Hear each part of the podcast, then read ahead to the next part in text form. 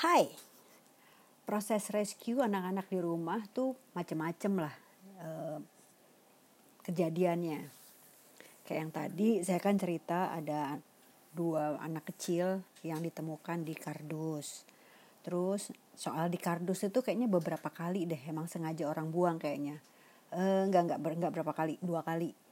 Yang pertama itu si Nancy itu ditaruh di dalam dus oleh tetangga sebenarnya yang nitip di pos satpam untuk diserahkan kepada kami.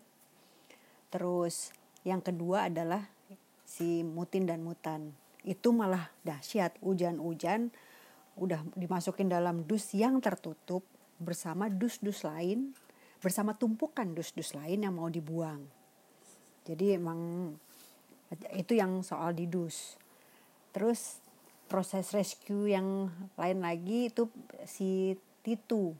Titu itu kucing liar yang ada di luar. Dia selalu kelinteran di sekitar rumah. Jadi di teras itu kami selalu taruh makanan kucing dan minum. Jadi siapa pun boleh datang, boleh makan, boleh minum, boleh tidur terserah. E, dan sepanjang kami membuka teras pada kucing-kucing liar, tidak ada satupun yang pup di halaman kami pernah sekali-sekalinya ada yang pup di halaman kami dan itu adalah kucing kami sendiri. Jadi kalau anak-anak luar mas sopan santun tahu tata kerama ya, kucing sendiri itu yang suka seenak-enaknya. Nah, um, Titu ini itu nggak bisa dipegang, sama sekali nggak bisa dipegang. Dia tiap kali mau dipegang tuh kabur-kaburan. Sampai suatu hari kami merasa bahwa dia tuh kayaknya sakit deh gitu. Um, tapi ya kan nggak mau dipegang ya gimana uh, selama berhari-hari hingga pada suatu siang. Eh enggak ding. Sore apa? Suatu sore saya lagi ada di depan rumah. Lalu saya lihat loh tuh siapa? Lagi kucing lagi tiduran di pinggir jalan gitu. Deket rumah sih di nggak jauh beda dua rumah lah dari rumah kami. Ngapain? Dia, dia siapa? gitu. Pas saya samperin eh nggak taunya Titu. Dan dia sudah sudah tiduran dalam keadaan nggak berdaya waduh kan panik ya. Jadi langsung dan saat itu dan dalam kondisi tidak berdaya ya dia mau mau aja ya diangkat. Akhirnya kami angkat bawa ke rumah diobatin ngubungin dokter. Akhirnya dia sembuh. Dia kayaknya ke malnutrisi juga pada waktu itu.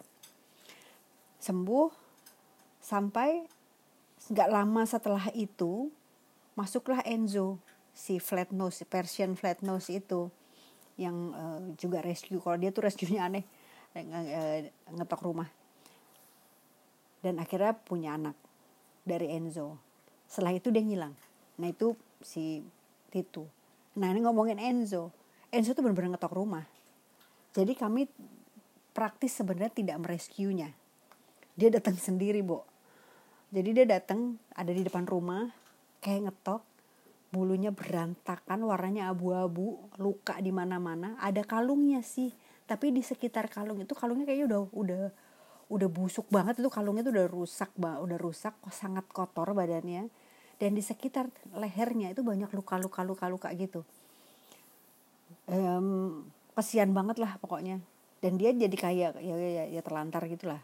Akhirnya kami copot kalung kami gunting kalungnya akhirnya kami uh, obatin mandiin dan ternyata dia warnanya putih aja gitu. Kita kira abu-abu ada lagi uh, proses rescue lagi adalah si putih.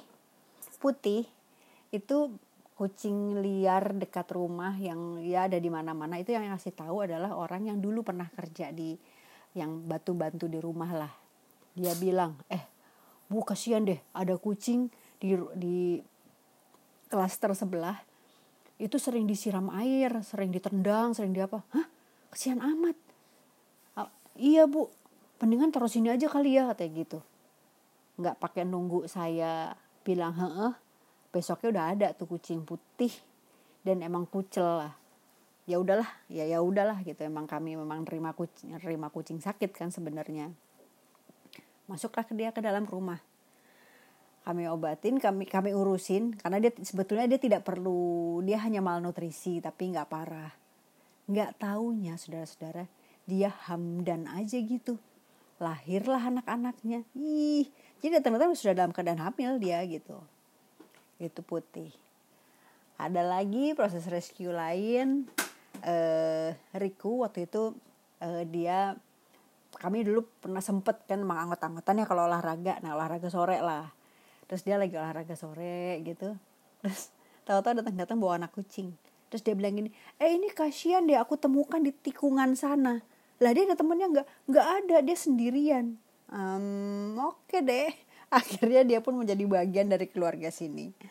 Um,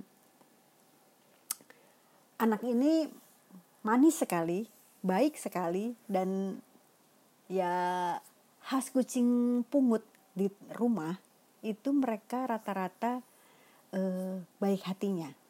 Nggak tahu kenapa. Itu hampir semua anak pungut di rumah tuh nggak ada yang nggak ada yang nakal semuanya tuh manis gitu. Dan baik nah si anak yang ditemukan di tikungan ini dikasih nama cemong karena mukanya kayak cem ada cemong-cemongnya gitu. E, dia anak manis anak baik dan nggak e, masalah dia mau diapain aja juga dia nggak masalah anak-anak baik. E, kemudian karena dia jantan di kemudian hari dia di steril juga nah itu sebagian cerita dari anak-anak e, pungut kami. Ada beberapa lain lagi. Oh oh oh ada ada lagi. Ini sekeluarga malahan.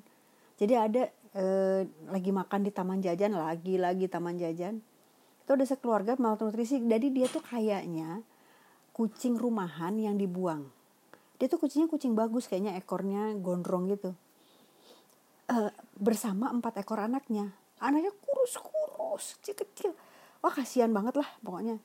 Ya udah akhirnya uh, tuh yang panik. Udah udah ambil kandang ambil kandang. Jadi saya lari pulang ke rumah ambil kandang dan ngandangin mereka. Dari empat bersaudara dari empat anaknya yang yang satu nggak survive tinggal tiga. Di akhirnya kami kasih uh, nama um, madam ibunya. Dan ibunya itu di kemudian hari saya baru ngeh bahwa ternyata si ibu ini si madam ini itu uh, deaf. Taunya dari mana? Kalau malam tahun baru kan di sekitar rumah kami rame banget kan itu petasan dan segala rupa. Anak-anak tuh semua tuh panik kalau udah mulai ada tahun baru petasan-petasan itu atau lebaran malam malam takbiran tuh juga rame. Tapi ketahuannya pas malam tahun baru. Semua kucing panik dia dengar suara jedar jedar jedar jedar dia santai dan memang dia tuh kalau ngeong suaranya kencang banget. Kayak orang nyolot gitu loh. Makanya gitu. Ya dari situ kami akhirnya tahu akhirnya ngetes lah. Waktu itu jangan yang ngetes.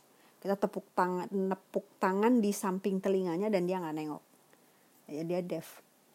Kemudian nggak setelah sekian lama dia tahu-tahu kabur dan nggak pernah pulang. Sedih sih takut ada apa-apa karena dia nggak bisa dengar anaknya yang tiga sampai sekarang udah udah gede-gede dan lucu-lucu dan cakep-cakep lah.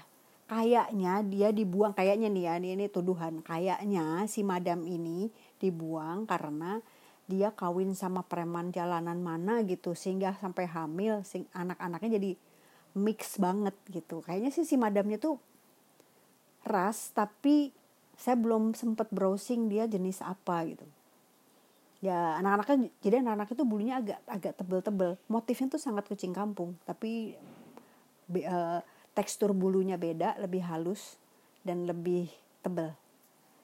Oke sementara itu dulu cerita tentang proses rescue di rumah kami. Sampai ketemu lagi ya. Oh ya selalu ada hal besar di balik hal kecil atau hal kecil yang dibesar-besarkan Selamat hari ini, sampai jumpa besok. Bye.